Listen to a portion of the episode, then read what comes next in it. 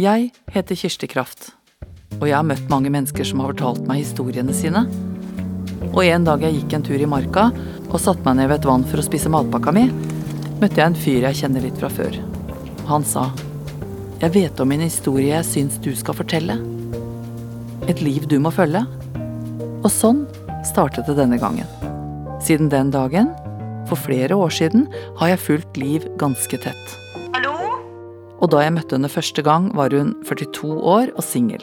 Hei. Hei. Og det første hun sa til meg, var dette. Og jeg har så fryktelig lyst til å bli elsket. Å elske.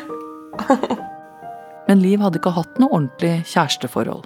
Nei, jeg har bare hatt, ikke hatt liksom noe selvtillit på det der. I det hele tatt.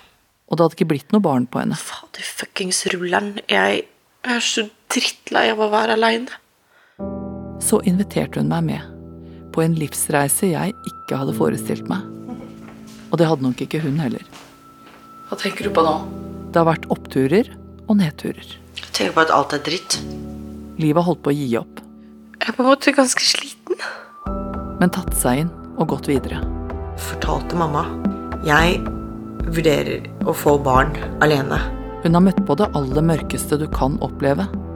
Det er jo utrolig stas å dele at man er gravid. Men hvis det da skulle gå gærent, liksom Og blitt lettet når ting har gått på skinner igjen. Men jeg er jo nå 43, ikke sant? Så jeg må.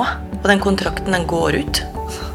Og hun har gjort det fordi hun har hatt en drøm og et mål.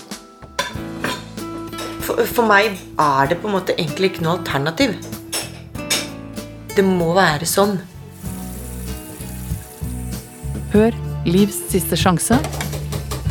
En gripende og nær fortelling i fem episoder om viljen til å forfølge en drøm og om motet til å satse uten å vite om man lykkes.